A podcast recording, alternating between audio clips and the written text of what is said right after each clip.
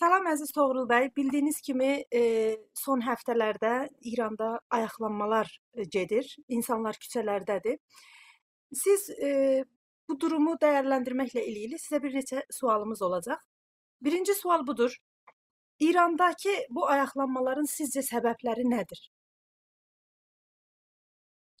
Salamlar, çox xoş gördük Lala xanım. Təşəkkür edirəm mənə də dəyər verdiyiniz üçün. Əslinə qalırsa illərdir ki, ölkədə bütün sahələrdə e, sistemin çivisi köküb, çivisi çıxıb Türkiyələr demişkən, yəni ciddi bir dirlik düzən sıxıntısı var. O əvam bir təbir ilə desək, yəni dəvəyə soruşurlar, deyirlər e, boynun əyridir, deyir ki, düz yerim yox ki, haram düzdür ki. İqtisadiyyatdan tutmuş xalqın azadlıq problemlərinə qədər, azlıq, yoxsulluq, səfalət, ədalətsizlik, fərdi azadlıqlarda sıxıntılar, ictimai azadlıqlarda sıxıntılar, kəza 100 ildir davam edən etnik haqların danılması və s. ciddi bir sıxıntı var toplumda. Əslinə qalırsa, çağ dışı bir ideoloji ilə 79-dan sonra bu sistem 21-ci yüzildə bir toplumu yönetməyə çalışır. Bəlkə bu vaxtı zamanında bədəvi toplumları yönetmək üçün bir çıxış yolu ola bilərdi, amma çağdaş toplumda təbiətilə bu ideoloji, çağdaş ideoloji tərs təpir. Çünki bir tərəfdən dövlət daha genişləyib, toplumun üzərində daha çox təhəkküm qurma imkanlarına sahibdir, daha çox məhdudlaşdırma aracılarına, vasitələrinə yiyədir. İstər təhsil sistemi ilə olsun, istər idari bürokratik sistemi ilə olsun və yaxud ekonomik quruluşu ilə olsun. Daha çox təhəkküm qura bilir toplumun üzərində. Bir tərəfdən də toplum artıq ən azı e, o coğrafiyada məşrutiyyətdən sonrasında birləşmə sürəcinə girdiyi üçün və sekularlaşmağa başladığı üçün artıq dünyəviləşməyə üz qoyub o əski bədəvi toplum deyil.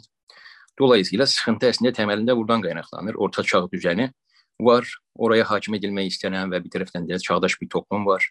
Dolayısıyla bu orta çağ sistemi o çağdaş toplumu yönetməkdən tamamilə acizdir. Dolayısıyla eybəcər bir quruluş ortaya çıxır 20-ci yüzildə e, tərs bir şəkildə qurulan bir dövlət millət yapısı var. Millət dövlət demirəm mən bilərəkdən dövlət millət deyirəm. Bir yapay saxta bir dövlət millət qurulur və bunun üzərinə də 79-dan sonra yarım yamalaq bir şəriət sistemi gətirməyə çalışırlar.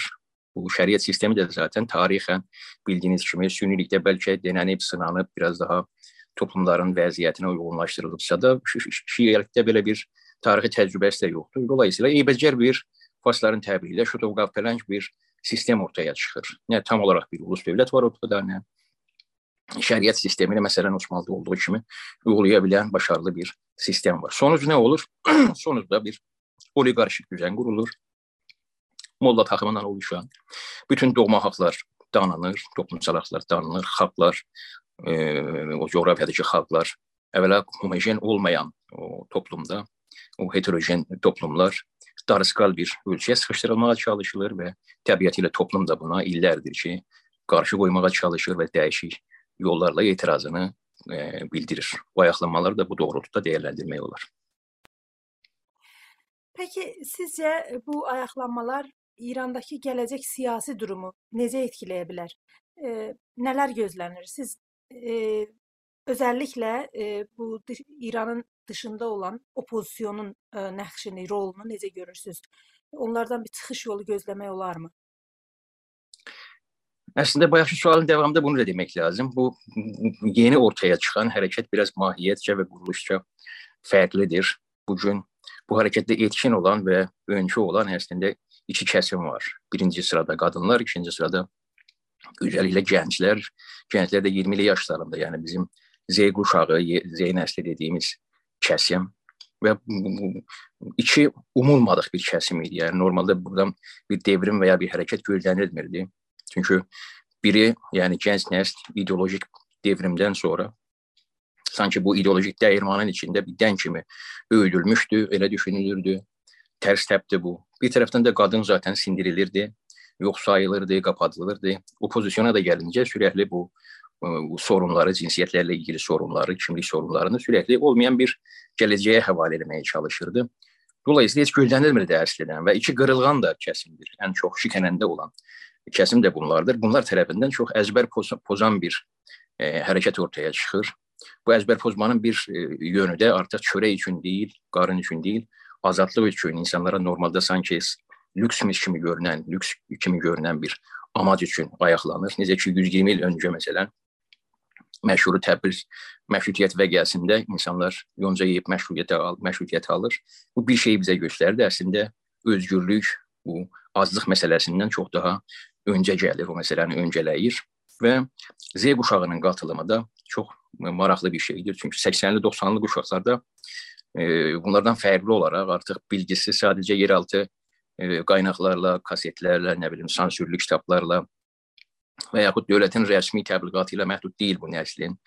Bu nəsl sərhədləri aşa bilir, dünyəvi bilgiyə ulaşa bilir, evrensel bilgiyə ulaşa bilir. Özgür dünyaya dair birinci əl bilgiləri var, verilər əlinin altındadır. Dolayısıyla özgürlüklərinə vaqif bir nəslidir və özünü bir dünya yurttaşı kimi görür, sınırları aşa bilir. O yüzden de bu hərəkətlərə öncülük edə bilər. Bir tərəfdən də bunlar yeni nəsl təbiəti ilə o əski nəslin mühafizəkarlığına sahib deyil. Bunlar o qorxulardan arınmış, o qorxulu dönəmi çox yaşamamış bir nəslidir. O əski nəslin tər tərsinə gözü bərk bir nəslidir, qorxmaz bir nəslidir. Dolayısıyla olaylar çox daha fərqli bir yerə gedir. Yəni daha qalabalıq kütlələrin qatılımı, daha ardıcıl zaman olaraq hərəkətlər və sinif üstü e, ayaqlanmalarla nəticələnir. Amma e, gəlincə opozisiyona, opozisiyondakı hər zamanki sıxıntılardan birisi e, və bu hərəkətlərin də məncə qəbul etməyəcəyi özelliklərdən birisi, opozisiyon hər zaman e, ertələməçi, mənim ertələməçi dediyim bir yanaşma ilə e, məsələləri çözməyə çalışır. Bu biraz da bu şiəlik məfkurəsindən qaynaqlanır. Yəni necə Mehdi Mevud gözləyirlər, bir olmayan utopiya gələcəkdə gözləyirlər. Opozisiyon da hər zaman bütün bu problemləri olmayan bir gələcəyə həvalə eləyir. Qadın haqqıdır, nə bilim etnik haqqdır, şudur, budur. Bunları olmayan bir gələcəkdə çözəcəyik, amma bu səfər toplum anlaşılır ki, 79 qalxışması kimi bir tuzağa düşmək istəmir. Yəni birdən-birə nə istəmədiyini bildiyi halda, nə istədiyini bilməyən bir e, cərəyana qapılmaq istəmir və bu bəlirsiz bir, mübhəm bir gələcəyə həvalə etmək istəmir məsələləri. İndidən dirənir bunun üstündə başından etibarən birey haqqı olaraq, bir toplum haqqı olaraq e, başından etibarən ulusların taleyinin bəlli olmasını, aydın olmasını istəyir. Belə bir e, mahiyyətdə olan bir hərəkət kimi görürəm. Amma opozisiyon təbii ki, bunu qarşılamaqdan çox uzaqdır. E, yəni bir alternativ oluşdura bilmir özəlliklə. E, verəcək hər hansı bir qapsamlı planı yoxdur. Müxalifətin böyük bir qismi əslində 40 il bundan öncəsində donub qaldığı üçün olayları yaxşı təhlil edə bilmir.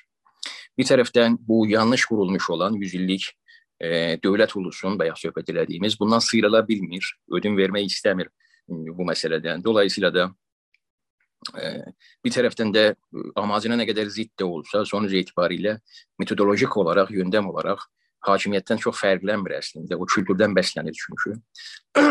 Və nəticə etibarilə hər bütün Orta Doğu toplumları kimi müxalifət ciddi bir alternativ oluşdura bilmir topluma çalgıl, o toplumun hətta çox gerisində dışlayıcı və mənimsəyici belə təsavvüfkar bir e, tutuma sahibdir e, yurt dışındakı müxalifət və təməl haqq və özgürlükləri bayaq dediyimiz kimi buna ertələməçi bir e, hər hansı bir qarantisi olmadan ertələməçi bir zehniyyətlə yanaşır. İstər etnik milli haqlar olsun, istər sosial və kimlik haqları olsun. Sanki gələcəkdə sehirli bir dəyənəklə hər an e, bu məsələlər birdən çözüləcək ki, deyil. Bunlar bir sürət gərəkdirir bu haqların qazandırılması.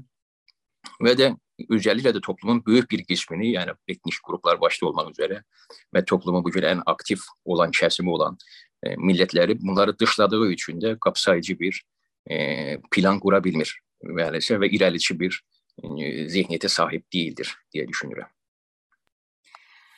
E, bir də indi bu arada Azərbaycan Milli Hərəkəti var. Eee, siz Azərbaycan, eee, sizcə Azərbaycan milli hərəkətinin bu ayaqlanma ilə münasibəti nədir?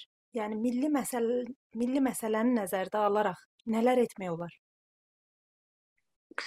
Azərbaycan milli hərəkəti məncə bu olaylardan da öncə dəfələrlə mən dilə gətirdim. Əslində fabrika ayarlarına geri dönməlidir. Son dövrdə biraz bundan uzaqlaşdır. Nə demək istəyirəm? Yəni biz keçən əsrin başında əvvəla 19-cu əsrin ortasından bir aydınlanma hərəkəti başlayır Azərbaycan mərkəzi olaraq Mirzə Kazım bəylərlə, Axundzadələrlə, nə bilim, ondan sonra Əkinçi çevrəsi ilə, Molla Nəsrəddin çevrəsi ilə. Sonra 20-ci əsrdə kütləsiz hərəkətlər olur bizdə və biz ilk olaraq o coğrafiyada anayasal devrimi töhfə gətiririk oraya. Keza azadlıq şüarı bugün moda olan azadlıq şüarı ilk olaraq bizim coğrafiyada həyati bir şüar olaraq Azadistan dönəminin təməl məfkurəsini oluşturur. Və bunu insanlara göstərir əslində xiyaban açıq bir şəkildə. Azadlıq olmadan deyir, ədalət də gerçəkləşməz.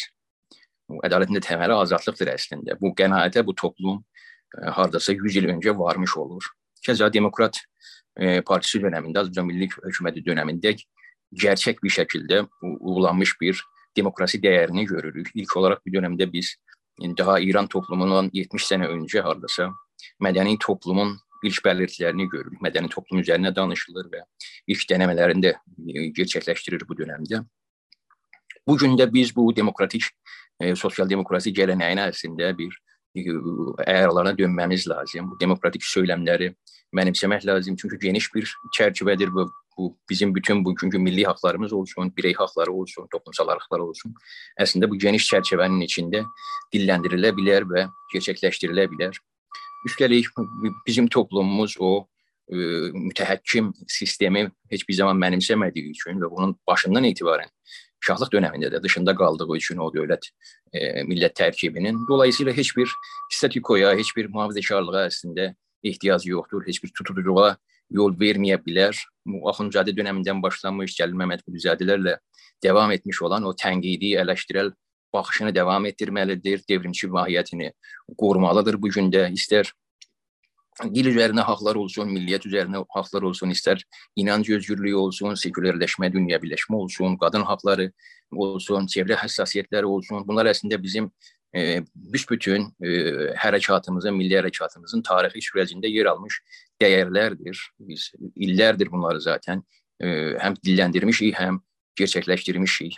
Tələbimiz əslində 100 ildir olduğu kimi demokratikdir tamamilə. İstər milliyyət olsun, istər dil olsun, istər fərdi özgürlüklər olsun və bu çərçivəyə, çərçivəyə dönməmiz lazım. Mərkəz və opozisiyon e, hansı tutumu sərgilərsə sərgiləsin. Bizim tutumumuz təbiəti ilə milli qurtuluş əsasında hər yönlü özgürlüklər, heç bir məhdudiyyətə yol vermədən və ictimai ədalət çizgisindən ödün vermədən öz söyləmimizi ortaya qoymalıyıq, öz milli tələblərimizi dilləndirməliyik. Həm də ən önəmlisi və mənim də ə, maraqlandığım öz dilimizdə bunu dilləndirməliyik və öz söyləmimizi gəlişdirərək. Bunun üçün də zaten o tarixi 100 illik tarixi mücadiləmiz və 150 illik aydınlıq e, aydınlaşma e, mücadiləmiz zaten buna yetərli literatür və ədəbiyyatı oluşturur və necə ki indi bu son dövrəmdəki hərəkətlərdə qadınlar çox e, dəyişik bir uğur qazandılar. Bunlar bəzi haqları qazanılmış bir haqqa çevirir. Yəni